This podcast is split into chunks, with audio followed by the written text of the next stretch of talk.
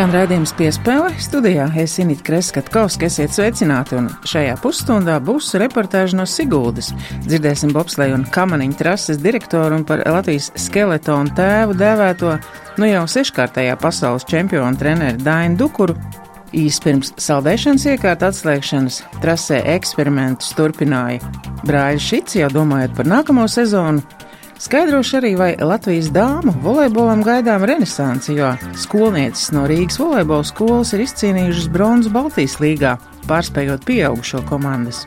Uz sarunu aicināšu galveno treneru Andreju Dinokovu, olimpisko čempionu Pāvelu Siļvānovu, komandas līderi Martu Kamēliju Levinsku un spēlētāju Alisku Nasili.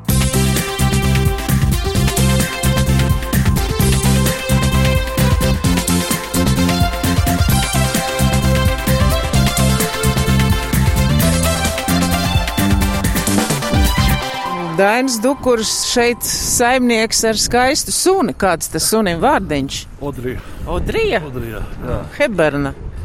Nē, viņi ir uh, Odrija defiliči, tur vēl garš, tas ir pēc radurakstiem, bet mēs pa vienkārši Odrija. Un viņai nenormāli patīk tas, kas notiek šeit trasē, un viņas vieta ir starp 15 un 16 virāžu, tur divas paletes ir, uz kurām viņi sēž. Man liekas, viņi var visu dienu nosēdēt un sekot līdz treniņiem. Tas jocīgs suns. Jā, vispirms sirsnīgi sveicu ar panākumiem. Nu, Latvieši pieraduši seši pasaules čempioni Martinam. Tas vairs nevienu kā, nu, nepārsteidz, bet nu, tas ir tomēr milzīgs panākums, darbs ieguldīts. Atkal žēl, protams, par Tomasu, Mēs jau braucām patiesībā pacīnīties par divām medaļām, un arī mēģinājām tā gudri strādāt. Ar Tomasu aizbraucām um, nedēļu piebraukt trases līdz, un, un Tomas izdarīja to melno darbu, bet nu, salikās kā salikās.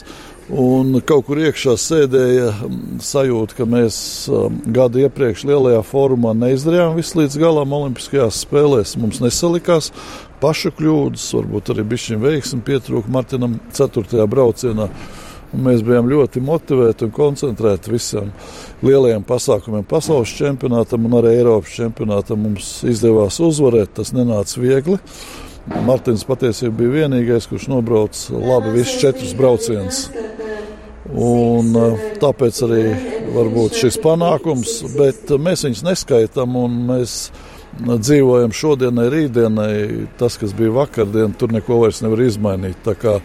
Bet Doma. es domāju, ka jūs dzīvojat eh, ar domu, ka Siguldā arī varētu būt tās Olimpiskās spēles 26. gadā. Jūs kā trases uh, saimnieks vai reāli jums izskatās uh, tās spēles vai izdotos rekonstruēt arī četrnieku bobiem, ja nebūs tās Olimpiskās spēles arī par finansējumu. Tagad, man liekas, tas ir aktuālais jautājums. Līdz 12. aprīlim ir jāiesniedz tas valdības garants, kā izskatās. Tas, kas ir mūsu pusē, Latvijas pusē, man liekas, ka tur ir virzība pareizā ātrumā, pareizā ritmā un pareizā virzienā. Daži jautājumi ir, ir Zviedru pusē, bet tas ir jāprasa tiem cilvēkiem, kas bija pēdējā mītiņā nedēļas nogalē Stokholmā. Un, es tur nebiju, bet es tikko iztaigāju vietu kopā ar suni, kur varētu būt, kas kārtu tās pārmaiņas, kur varētu bremzēšanas ceļš, jo sniegs ir nokusis un topogrāfija mums ir uzmērīta. Un, um, ar vācu kompāniju mēs strādājam, lai izveidotu trasi atbilstoši četrniekiem.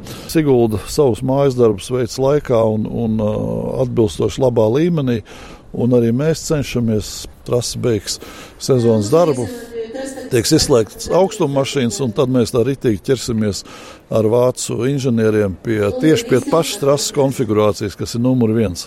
Man bija liels prieks satikt arī olimpisko čempionu Jānu Čipuru kurš uh, ir lietas koks un, padomus dod un tā. Daudz uzdot to jautājumu, bet kas ir aiz uh, brāļiem dukuriem? Ir turpinātāji, varbūt gribētos uh, viņus vairāk redzēt. Varbūt tieši šis balsojums, kad izšķirsies 24. un 5. jūnijā, kas tad rīkos 26. gada Olimpiskās spēles, un ja tiešām tā būs Stokholma un mēs būsim ledus renes sporta veidu rīkotāji, tad es domāju, tas būs tāds jauns grūdienis, lai mums izdotos piesaistīt savam sporta veidam vēl talantīgus jauniešus, ar kuriem varētu sešu gadu laikā strādāt un, un sasniegt augstus rezultātus. Odrijā, Odrija? Neatsaucās, viņa jau saprata. Atnāc šurp, Tajā brīdī es biju labākais pasaulē. Visas pirmās vietas ir līdzvērtīgas zeltam. Spēlētājiem gadās slikts, labs spēles sērijas, bet ir jāceļās, jāmāk piecelties un parādīt savu sniegumu. Andris eh, Šits liekas, ka pēc pāris dienām Sigūdas eh, kamaniņa bobslē trasē viss beidzās. Mēs esam šeit ar skatu uz skaisto Latvijas dabu. Vēl ir jāsarauj, laikam, cik es saprotu, pēdējie darbi, kas ir neizdarīti šajā sezonā tie nav pēdējie darbi, kas nav izdarīti šajā sezonā, bet vairāk tas jau ir skatu uz nākamo sezonu, jo tās sajūtas sezonas beigās daudz labākas tieši braukšanā un tieši tās nianses tehnikā, ko vēlās pamēģināt vai izmēģināt, ir daudz labāk sajūtamas un uh, to noteikti rudenī tikko sākot sezonu nav iespējams nemaz izjust un saprast. Kas jūsuprāt ir šīs sezonas nu, veiksmes formula, jo Es pieņemu, ka ir sportisti, kas tiešām progresē ar gadiem, nāk pieredze klāt. Jūs, laikam, esat arī tas variants, jo tik daudz medaļu, kā man, manuprāt, iepriekš nav bijis. Tas ir četru olimpisko spēļu pieredze, sākot jau ar 2008. gadu Turīnas olimpiskās spēlēs. Es domāju, tas ieliktais darbs, kas mūsos ir ielikts, sākot visiem treneriem, protams, ir Jāna Liepu priekšgalā atmaksājās. Protams, nevar noliegt, varbūt agrāk tā nelikās, bet tās studijas, ko mēs tagad studējam LSPA, nes ļoti lielu lielus augļus un varbūt daudz vairāk izprotam, kā strādāt pašiem ar sevi, ne tikai ar tehniku un trasi, bet tieši ar sevi treniņos un mazas mīlas par to, nesākām studēt uzreiz pēc vidusskolas, bet uh, mēģinām saraut to tieši tagad, jo iestājāmies mēs Latvijas Sporta pedagoģijas akadēmijā tieši Olimpiskajā sezonā pagājušajā gadā. Bija doma, kā mēs to visu apvienosim, bet tas sanāca ļoti lieliski, un es domāju, tas bija tas grūdienis uz priekšu, lai mēs vēl vairāk progresētu tas, ka ir tas piedestāls diezgan regulāri pēdējā laikā, laikam arī tā motivācija. Ja? Protams, apetīte aug ēdot, gribās, mēs esam bijuši uz piedestāliem un gribās sasniegt vēl augstākas virsotnes, un uh, mēs gribam progresēt, jo mēs negribam samierināties tikai ar piedestālu, mēs gribam būt pašā virsotnē, un tas ir tas svarīgākais, kas mums dzen uz priekšu, ģimenes atbalsts un tā mūsu ticība, ka mēs to varam. Es domāju, tas ir viens no lielākajiem priekšnosacījumiem, kāpēc mēs mēģinām progresēt un neesam apstājušies uz lauriem. Kāpēc Vācija joprojām ir priekšā Latvijai? Vai tās ir tās tehnoloģijas, kur jūs pat īsti netiekat klāt? Protams, vienmēr var teikt, ka tās ir finanses, kad viņiem ir desmitiem reižu lielākas finanses, bet eh, jāskatās arī tas. Viss stāsts no otras puses, kā ir viss sakārtots jau no mazām dienām, tā piramīda, kā viņiem, cik atlasās bērni pirmajā gadā, cik aiziet līdz izlasē, tā ir tā sistēma, kas veidojās, lēnām sāk veidoties arī Latvijas izlasē, es redzu jau tās augļus, var teikt, jau, ka jaunie nāk un ir mums uh, sekotāji. Es domāju, ka ir jāsakārto tieši no pašas apakšas, un tad arī uz augšu būs daudz lielāka rezultāta latviešiem. Latvijas federācijas virziens, es domāju, tieši ir uz to virzienu tagad. Mēs nekad neesam skaļi bļaustījušies, ka mēs gribam būt olimpiskie čempioni vai tagad visus uzvarēt, bet, protams, katram sportistam ir viens sapnis uh, izcīnīt augstāko vietu, uzkāpt visaugstākā pjedestāla, dzirdēt Latvijas himnu, iedvesmot jauniešus, uh, protams, sevi ģimeni, lai tas darbs darbs, kas ir ieguldīts visu dzīves garumā. Kamniņu sportā vairāk kā 26 gadi. Protams, ka tas būtu tāds sapnis, ko gribētu izpildīt. Uz vēlē piepildās sapņi un uh, veiksmi vēl pēdējos eksperimentos šajā sezonā. Paldies, veiksmi vienmēr noderēs. Brālim Andrim jau teicu, ka atvainojos, ka es jūs neatšķiru. Nu, daudz variantu nav. Tagad ir Jūras šits pie Latvijas radio mikrofona, arī apsveic ar veiksmīgo sezonu. Kāda pašam ir tā veiksmes formula, ka šogad ir tik eh, ražani un labi veicies, eh, bet nekad jau neguļam uz lauriem? Ir tā, ka tā gada pieredze jau ir ļoti liela un bagāža līdz arī nāk, bet varbūt tāds, ka mēs smējāmies pagājušais gads nepiepildītie mērķi Olimpiskajās spēlēs. Jūs esat arī Kamaniņu sporta valdē. Tā ir. Jā. Cik lielā mērā ir iespēja atlētam ietekmēt, vai tas ir arī tas kontakts un savu plusu, mīnusu informēšana, lai cilvēki, kas varbūt sēž ap galda, arī nu, saprast, kas ir vajadzīgs, vai tas ir tas lielākais pluss? Ir tā, ka pāris gadus atpakaļ federācija bija tāds priekšlikums, ka vajadzētu sportistu ievēlēt pārstāvu valdē. Tas sportisti nominēja mani, tā kā cilvēku uz valdi. Un, jā, tā ir, domāju, ļoti laba lieta, jo nevienmēr tas, ko pie galda sēžot, liekas, ka tā ir īstenība. Un man esot tajā vidē un esot kopā ar sportistiem, ir savs redzējums un sportistu redzējums, kurus var izklāstīt un pasniegt no sportista puses. Un tad tās domas dažreiz dalās un ir lietas, ko pat uh, varbūt valdē un federācijā nezinu, un tad vieglāk ir izsināt viņas. Kas ir tās lietas, kādēļ Latvijas kamaniņu stafete ir ļoti bieži uz piedestāla, bet to valstu atlēti, kuri individuāli ir spēcīgāki, viņiem tas neizdodas. Vai pie tā īpaši tiek strādāts, vai te ir atkal veiksmes formula, kas ir panākuma atslēga? Vienmēr esam lepojušies to, ka mums tā komandas gonga sacensība ir kā īpašs notikums. Mēs ejam uz svētkiem, un katrs latviešu sportists cīnās par to, lai tiktu tajā stafetes komandā. Un, Neoficiāli runājot, mēs smējāmies, ka mums ir gandrīz divas vienlīdzīgas komandas. Mēs varam izlikt, un nav tā, ka jāliek tikai uz vieniem cilvēkiem, lai būtu tā veiksmes formula. Tas, kad ļoti koncentrējās un cilvēki ļoti grib un pierādīt, un parasti ir jānobrauc trīs etapi ļoti labi. Dažreiz ir tā, ka tie, kas skaitās uz papīra, nomināli stiprāki, lielvalstu cilvēki, viņiem tas kaut kad neizdodas. Latvieši, jā, es domāju, ka tā ir tāda arī veiksmes formula, bet sportā bez veiksmes, domāju, nekādīgi. Un mums tas ir jā, izdevies vairāk kārt eh, kā komandai, un ceru, ka arī turpmāk tā būs. Kas ir eh, brāļu šicu fanu pulkā eh, jaunākais fans un, un, un pieredzējušākais jau to jau visvairāk kārtas teikusi. Vecmāmiņa Lilija izslavēta audēja. Kāds ir šis diapazons? Nu, jaunākie ir, protams, mūsu bērni, kas katru reizi skaidrs sainicības un pārdzīvo. Un, ja nesanāk mums iekļūst medaļās, tad dažreiz pat raudis saka, bet, nu, tas tāds ir sports, nevienmēr ir noteikts, ka tev ir jābūt tur. Un vecākais, jā, protams, ir mūsu vecmāmiņa, bet pa vidam ir aiziet pa ķēdīt sievas, vecāki, māsa draugi. Un, jā, tas diapazons ir liels. Gan, kā mēs smējamies, gandrīz 95 gadu starpība. Ir. Sirsnīgi ir palikušas atmiņā tās jūsu sagaidīšanas. Arī esat teikuši, ka Siguldā, nu, tā kā jūs sagaidat šeit vai vecāku mājās. Savulaik. Jā, mums ir ļoti paveicies ar mūsu pilsētu, pilsētas iedzīvotājiem. Tas ir spilgtāk, ka tu atbrauc pēc labi aizdītas sezonas, pēc Olimpiskām spēlēm. Un, kad saka, ka būs maza sagaidīšana, un mēs atbraucam un tur redzam, ka ir pilns svētku laukums ar cilvēkiem. Tie ir tūkstošiem cilvēku, un tās sajūtas ir tādas, ka.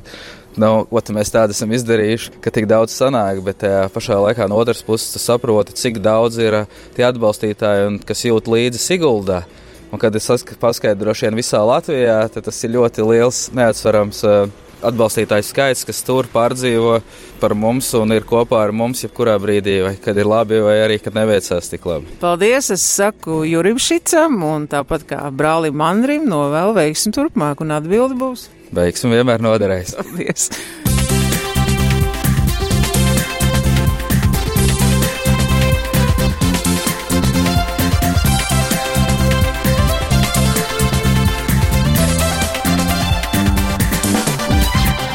Skan redzējums piespēle studijām Inīta Kreskatkovska. Jau ziņots, ka Baltijas līgas mazajā finālā Rīgas volejbola skola piecu setu drāmā pieveica Talteku un izcīnīja bronzas medaļas. 17 gadus vecā Marta Kamelija Levinska guva 37 punktus, no tiem pa trim ar sēru un bloku. Rīgas volejbola skolas vecākajiem treneriem Andrejam Odinokovam palīgs ir olimpiskais čempions Pāvils Ļivānovs. Jāpiebilst, ka rīdznieču sastāvā ir skolnieces un turnīrā izdevās pieveikt pieaugušo komandas. Pirms treniņa vispirms uz sarunu aicināja Aliska Nasili. Vispirms apsveicu ar um, izcīnīto bronzas Baltijas čempionātā. Paldies, mēs ļoti cīnījāmies. Kā tu nonāci volejbolā? Kas tev pirmie treneri, kuras skolas tu esi? Un uh, droši vien, ka arī pašām jums tas bija patīkams pārsteigums ar pieaugušām sievietēm vinnēt un, un būt labākām? Es sāku darboties desmit gadus atpakaļ, aizgāju pie Viktorijas korpuses un tagad es esmu pie Deveikusas Natālijas. Mācos es Rīgas Zeltos ģimnāzijā 11. klasē. Mums pašiem bija tāds nedaudz pārsteigums, ka mēs uzvarējām, bet uh, mēs ļoti gaidījām to uzvaru un ļoti cerējām. Kas, tavuprāt, ir tas komandas, nu, tā atmosfēra, tā, tā ķīmija savstarpējā? Jo ir jau jāsaprot un jājūt citai citu laukumā. Protams, ir spēlētāji, ar kuriem es spēlēju jau to desmito gadu, un man ir uh, vieglāk, bet uh, arī nāk jau jaunie cilvēki, ar kuriem ir jāsaspēlējas, un tagad ir viss kārtībā. Praktiski tā, ka jūs katrs esat sākus pie savu treneru un nonākuši nu, izlasē, esot sporta skolā. Ja? Jā. Vai ir svarīgi nonākt īstā laikā pie īstiem cilvēkiem, un tas ir tas jūsu variants, jums tā ir izdevies? Jā, protams, bet arī tas ir atkarīgs no katra cilvēka, no katra spēlētāja, vai viņš grib vai nē. Kas, manuprāt, ir šīs izlases galvenais pluss? Droši vien komanda perspektīva. Jūs ar bronzu visticamāk nesamierināsieties. Mēs esam labākas ar to, ka mēs esam jaunas un uh, mums viss ir uh, nākotne vēl ir. Andrejs Vadinovs, galvenais treneris. Arī jūs esat apsveicis ar uh, sasniegto gaidīts panākums? Pirmkārt, paldies jums liels par apsveikumu. Sakām šo Baltijas līgu, protams, ar mērķi uzvarēt. Tātad spēlē par trešo vietu. Nu, tas ir tāda spēle, par kuru nu, var pateikt. Reiz mūžā. Reiz mūžā, jā. Pirmā tāda spēle, kur ar tādas emocijas es piedzīvoju, kā nekad iepriekš. Jūs droši vien, kā Arthurs Irba savulaik teica, dēļ tādas spēles ir vērts dzīvot un trenēties. Jā, tieši tā, tieši tā. Kas jums ir volejbols? Cik lielā mērā jūs pats esat bijis šajā spēlē iekšā? Mm, droši vien, ka ne tik daudz kā jūsu titulētais um, asistents, ja tā var teikt. Principā mana karjera ir, es spēlēju volejbolu skolā pats pie trenera Olga Bagdanovas. Un pēc tam mācījos arī Latvijas Sporta pedagoģijas universitātē. Tur spēlēju komandā pie, pie Valda Lapiņa, un pēc tam viņš man piedāvāja strādāt par treneri. Nav tik liela pieredze, bet nu, ko es iemācījos no tiem slaveniem treneriem no Pāvila, ka vajag spēlēt līdz galam, cīnīties un nepadoties. Zaudēt tas, kas nolaiž rokas pirmais. Kas ir tas, ko jūs varat no Pāvila mācīties? Jo sudrabs un zelta olimpiskajās spēlēs, vai viņš uzklausa, vai jūs klausat viņu, kā tur ir īsti? Meitenes jau teica, ka jūs, protams, sabalansēt savus pienākumus. Protams, ka tādu cilvēku kā Pāvils, ja, to, to pieredze vislielākais bagāžs, kur es vispār zinu par volejbolistiem Latvijā. Man vienīgais, ko Bugajenkovs slavenais, bet es neesmu pazīstams ar viņu. Protams, ka es klausos, ko viņš saka, ja mēs dalāmies ar uh, savam pieredzēju. Varbūt nu, es biju vairāk tā kā treneris. Ļoti liels spēlētājs bija iepriekš, jā, un, nu, nu, jā, mēs diskutējam diezgan daudz, bet mūsu domas par to volejbolu, par to trenēšanas sistēmu ir uh, līdzīgas. Jā. Un mēs jau strādājam ar Pāvelu jau astoto gadu kopā. Vai jūs piekrītat, ka ir pienācis laiks ar šo komandu tā kā atgriezt uh, meitenes sieviešu izlasi tajā līmenī, kā bija savulaik Aurora, uh, iet tālāk, jo pilnīgi jūs piekrītu. Un tas ir pats galvenais, uz kuru mēs ejam, atgriezt to sieviešu volejbolu Latvijā, lai cilvēki redz. Es domāju, ka noteikti cilvēki atceras to slaveno komandu Aurora, Andra Kļaviņu un visi iepriekšēji ir cilvēki, kuri ir ļoti interesēti mūsu komandā attīstībā nākotnē. Nu. Vai nav bail, ka kādu aizvilinās uz pludmales volejbolu, ja Nasķi meklēs Martu? tad, tad, tad cerams, ka viņa paliks pie mums. Nu, es domāju tā, ka Marta jau noteikti zina, ka viņa ir klasiska volejbola spēlētāja, par kuru jau domā daži klubi un viņi ir daži piedāvājumi no ārzemēs. Tā kā, nu, es domāju, klasika viņi tas tagad ir esenī. Plāniem uz nākamo ir jābūt tik lieliem, lai meitene sauk. Jā, tagad mēs redzam to Baltijas līgu, ka, nu, ka principā tas ir solis uz priekšu. Saku lielu paldies un uh, sarunu turpināsim ar jūsu treneru asistentu. Ja? Jā, paldies liels, paldies! Pāvils Ļivonovs, ne tikai olimpiskais zelts un sudrabs, bet uh, laikam esat mazo pirkstiņu atdevis tam volejbolam, ka netiekat no viņa prom. Ja? Ja kāds man būtu teicis vēl kādus gadus, sešus atpakaļ, ka es sākšu kaut ko trenēties, tam cilvēkam būtu laikam nodarījis kaut kādu ļaunu būtu nodarījis. Bet... Jūs esat pabijis gan politikā, gan biznesā, un, un tomēr.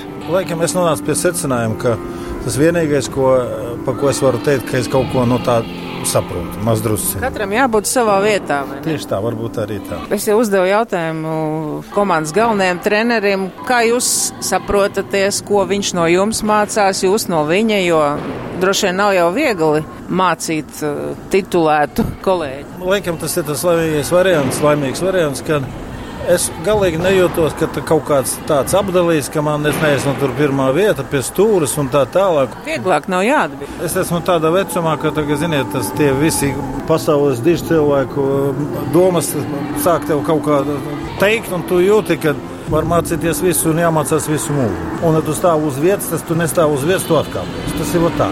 To es pats ne, es neesmu tik gudrs, lai to izdomātu, bet kaut kur dzirdēju. Bet atcerējāties. Jā, jā. Domāju, ka jūs arī noteikti gribat eh, ar šo komandu ne tikai pavadīt, lai meitenes pabeidz skolu un izklīst kur kurā. Kā jūs redzat šo vīziju? Saprotu, ka varbūt tas ir tāds ļoti patīkams redzējums. Mēs gribam, lai atjaunojas eh, Latvijas volejbols, un mūsu mērķis ir apspēlēt Igaunijas. Viņi saka, tā, ka viņiem ar mums nav vairs interesanti spēlēt. Un tad lai atkal būtu aurora. Sauciet, kā gribat, aurora, nu, nosauciet jūs. Vienalga. Viens otrs treneris, klasiskā volejbola treneris, saka, nu, Pāvils, nu, ko jūs cepaties? Klasiskais volejbols ir nomiris. Tikai pludmale tagad. A, kas mums ir pludmale? Vai tam mums ir pludmale daudz cilvēku? Ot, redziet, ļoti labi, ka jūs pats sākāt par to runāt, jo es esmu tiešām dzirdējuši šīs atziņas, kā attīstot pludmales volejbolu ir nogremdēts klasiskais volejbols. Vai jūs tam piekrītat, un ka šī arī naudas sadala? Es nevaru pateikt, kā viņi tur naudu, to naudu dala. Bet es uzskatu, nevis pludmales volejbols sagrauja klasisko volejbolu, bet klasiskā volejbola treneru vai negribēšana vai nolaišana tā uz grunti pacēla to pludmales volejbolu. Kā mēs varam runāt par pludmales volejbola attīstību Latvijā, ja mums ir divi mēneši tikai vasara? Es pateikšu ļoti tā, ļoti droši desmit pāri vīrieši, ekstra klase un desmit pāri sieviešu. Bet mums pat tādu nav. Teiksim, Brazīlijā simts pāru ir augstākā top, simt top klasifikācijā. Tagad man jautājums par to vīziju. Igauni jau ir iedomīgi gan vīriem, gan dāmām, tā kā viņi ir mums priekšā. Kā jūs redzat, nu, mēs jau teikt arī, ka nacionālais čempionāts tam ir jābūt spēcīgam, lai varētu attīstīties. Arī jūsu vidū ir treneri, kas ir gājuši pa skolām, meklējuši šos talantus. Tas, kas ir kādreiz bijis ļoti iecienīts, reti kurš to dara tagad. Mēs, mēs esam iedzīti, tas ir aburtais lokus. Redziet, kas notiek? Reklāmas visur. Cik ir rakstīts pa volejbolu, teikts? Pa vīriešiem var būt. Taču kāds zina, ka mums volejbola skolā atjaunota zāle, fantastiska grīda zaļā mūsu. Jūs ja? netiekat tur trenēties. Nu, tas ir pavisam cits jautājums. Ja? Skola ņemās, bet mēs redzējām pirmajā, pirmajā lapusē Delfos, kaut kur mēs redzējām, ka mēs kaut ko pirmā, es runāju par pirmo lapus, pa pirmo. Latvijas meitenes trīs vārdus. Ja? Drīzāk dzirdēšu, ka lakros kaut kāds uzvarēts kaut kur Kanādā vai mums tur gulbenē spēlējot lakros ir uzvarēts. Kā poļiem izdevās panākt to, ka viņiem visas sporta ziņas vakarā 40 minūtes ir tikai vole, pa volejbolu stāstīt? Jūs staigājat pirms treniņa jau apkārt ar planšeti, jums noteikti ir savs treniņu plāns. Es pieņemu, ka jūs arī redzat, ka šī izlase var tik tālu, jo nākt uz treniņu ar, ar netalantīgiem, nu, būsim atklāti, ir arī tādi gadi kaut kad, jā. Ja? meitenes ir talantīgas, un jūs droši vien redzat katrai vietu savā schēmā, vai ir tā? Skaidrs, katrs treneris, ja, bet trenerim galvā jābūt vienai lietai. Kad var izdomāties kaut kādu sastāvot, labas meitenes, un, bet jāatkāpās no savas domas, kad, un jāpiekrīt tam, ka tev nebija taisnība. Un tas ļoti grūti trenerim ik pa brīdim treneris nevar atzīt ka viņš kaut ko darījis nepareizi. Tas ir varbūt virknē meklējumos, pozīciju meklējumos cilvēku, kas runā par volejbolu. Ja? Kāpēc tu viņu neesi nomainījis? O, tur tas ir. Ja, ja tu vari atzīt, ka tu esi kļūdījies, tad tev vēl ir kaut kur mācīties un kur tālāk iet. Ja tu neatzīsti, ka es visu izdarīju pareizi, viņas, viņas pašas to zaudē, nu, tad ir laikam vāks, ir jālaiks pakot somu un tīt makšķerus. Marta Levinska, vai tev ir svarīgi, ka tev arī otro vārdu nosauc? Man personīgi nē, bet manai mammai jā. Tad saki, kā tev sauc? Man sauc Marta Kamēlija Levinska. Otrais vārds tiešām skaists. Apsveic tevi ar šo titulu un um, droši vien, ka ir liels gandarījums par sasniegto, bet izstāst, kā tev sākās ceļš uz lielo volejbolu. Tavs vārds ir dzirdams arī uh, Latvijas čempionātā. Daudz punktus tu esi guvusi. Tu kā jūties uh, līdere gan šeit, gan arī Baltijas līgā. Jā, nu, savā komandā varbūt jā, nu, tas ir jāuzņemās kādam tā loma un ir jānotur. Un, nu, mans ceļš volejbolā sākās tā, ka nu, man no ģimenes arī brālis ir volejbolists un tā Anta arī spēlēja volejbolu. Un, no sākuma es vēlējos doties uz basketbolu. Man treneris atnāca uz skolu un piedāvāja trenēties volejbolā. Un es izlēmu pamēģināt, aizbraucu vasarā uz nometni, un tā sanāca, ka turpināju spēlēt. Kā vispār pašai bija tās um, emocijas cīnoties ar daudz pieredzējušākām sievietēm? Ejot laukumā, varbūt ne uztraukums, bet uh, milzīga tāda vēlme uzvarēt un cīnīties.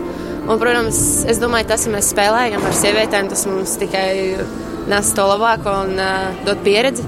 Bet uz laukuma tās emocijas un sajūtas bija. Es nezinu, vai es jebkad esmu spēlējis, devusi tik daudz emocionāli un fiziski, kā pēdējā spēlē. Tie bija ļoti nervus kutinoši pieci seti, kas prasīja ne tikai fiziski, bet emocionāli ļoti daudz. Bet es domāju, ka meitenes no tā tikai ieguva, mēs kā komanda no tās spēles arī daudz ko ieguvām. Jā, tavs augums ir diezgan ražīgs. Cik tev ir centimetri? Es pieņemu, ka basketbols tev vilināja sākumā. nu, jā, man ir uh, 1,84 m.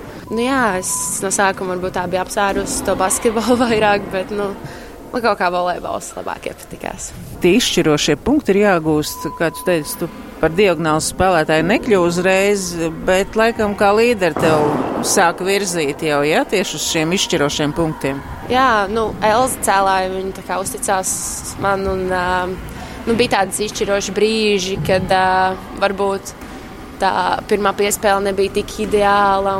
Vajadzēja vienkārši mēģināt iedot nu, kādam, kas varētu nokārtot. Protams, tas nav simtprocentīgi, bet uh, nu, tā kā man ir arī tas augums, tad nu, varbūt man ir drošāk, piemēram, iedot kā 4. zonas spēlētāju, jo es esmu varbūt mazliet garāka.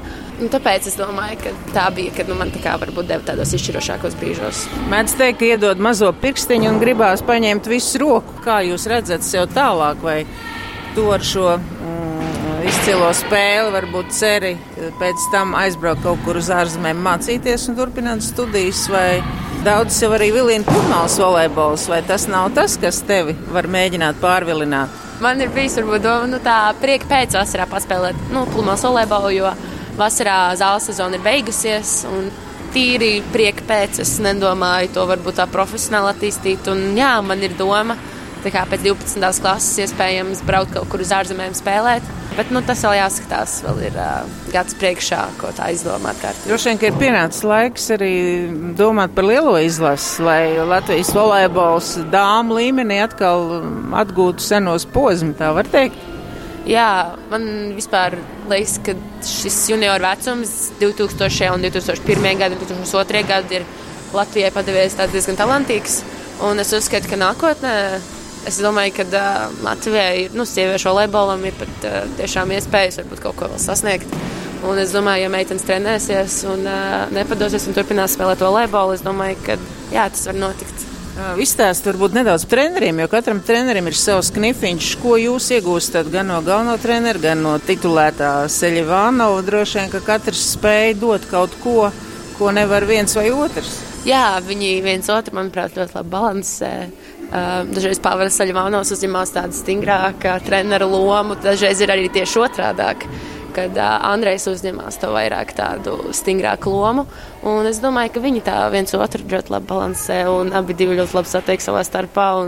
Tikai pozitīvas emocijas uz viņiem. Tāpēc es domāju, ka viņi ļoti labi tiek galā ar savu darbu. Mums fonā skan mūzika un mākslas vingrotājs gatavojas šī 86. vidusskolas zāle. Ir tā kā jūsu otrās mājas, var teikt. Nu, šajā sezonā tā sanāk, jā, jo Rīgas volejbola skolā.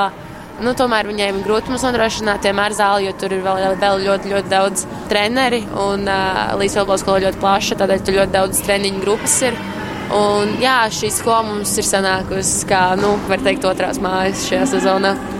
Kas ir tavs mērķis? Vai tu redzi savu mērķi kā Olimpiskās spēles, vai tu redzi savu mērķi kā daudz bērnu māmiņa, un, un vai tu par to jau tagad domā? Jā, es esmu par to domājis. Nu, es domāju, ka es no sākuma koncentrēšos tomēr uz to volejbolu. Nu, pašās beigās jau es domāju, tā ģimene tas jau ir tas svarīgākais. Tādēļ varbūt savos jaunākajos 20 gadus sākumos koncentrēšos uz sportu. Un nu, tad jau skatīsies, kā dzīvē būs. Bet, nu jā, ģimene un bērni tas ir mans mērķis. Marta Kamēlī Levinska pie Latvijas rādio mikrofona. Es tev vēlu sasniegt karjerā to, ko tu esi pelnījusi, un tu jau esi jau gandrīz pusceļā. Jā, liels paldies!